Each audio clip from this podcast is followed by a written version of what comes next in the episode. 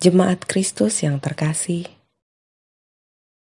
renungan kita pada malam hari ini berjudul Pertolongan bisa dari mana saja. Dan bacaan kita diambil dari kitab Yeremia pasal 39 ayatnya yang ke-11 sampai dengan 14. Beginilah firman Tuhan. Mengenai Yeremia, Nebukadnezar Raja Babel telah memberi perintah dengan perantaraan Nebuzaradan, kepala pasukan pengawal. Bunyinya, Bawalah dan perhatikanlah dia. Janganlah apa-apakan dia.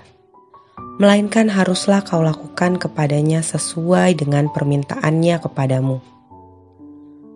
Maka Nebuzaradan kepala pasukan pengawal, beserta Nebusyazban, kepala istana, dan Nergal Sarezer, panglima, dan semua perwira tinggi Raja Babel mengutus orang.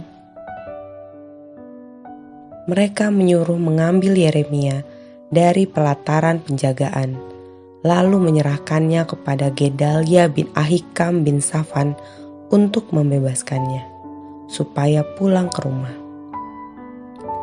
Demikianlah Yeremia tinggal di tengah-tengah rakyat. Saat kita sedang dalam kesulitan, secara otomatis alam bawah sadar kita akan memutuskan pihak mana saja yang bisa menolong kita dan fokus kepada pihak tersebut. Biasanya, kita akan mengupayakan berbagai cara untuk mendapatkan pertolongan tersebut dari orang yang kita harapkan. Hanya tanpa kita sadari, ketika fokus seperti itu membuat kita lupa atau tidak mampu melihat potensi-potensi lain yang ada di sekitar kita.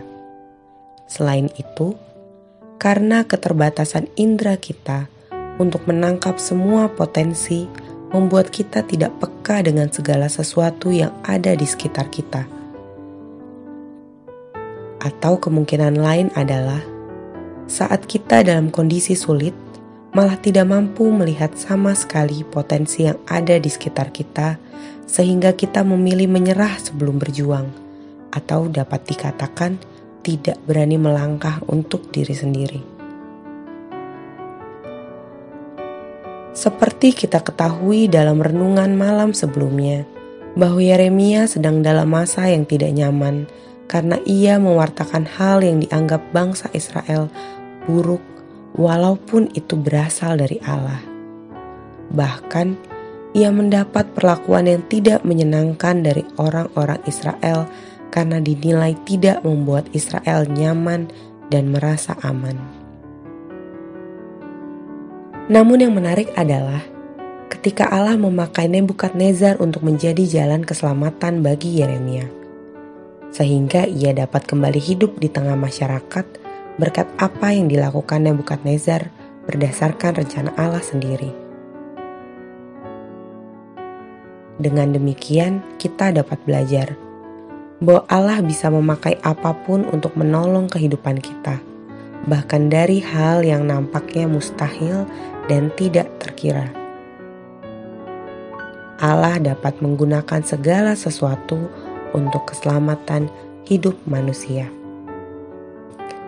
Jangan takut untuk melangkah. Jangan takut untuk terus berharap kepada Allah.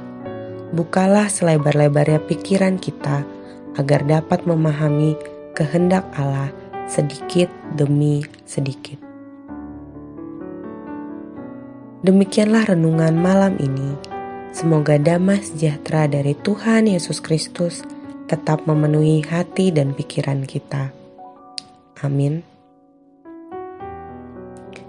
Jemaat yang terkasih, mari kita bersatu hati menaikkan pokok-pokok doa yang ada dalam gerakan doa 21 GKI Sarwa Indah. Mari berdoa.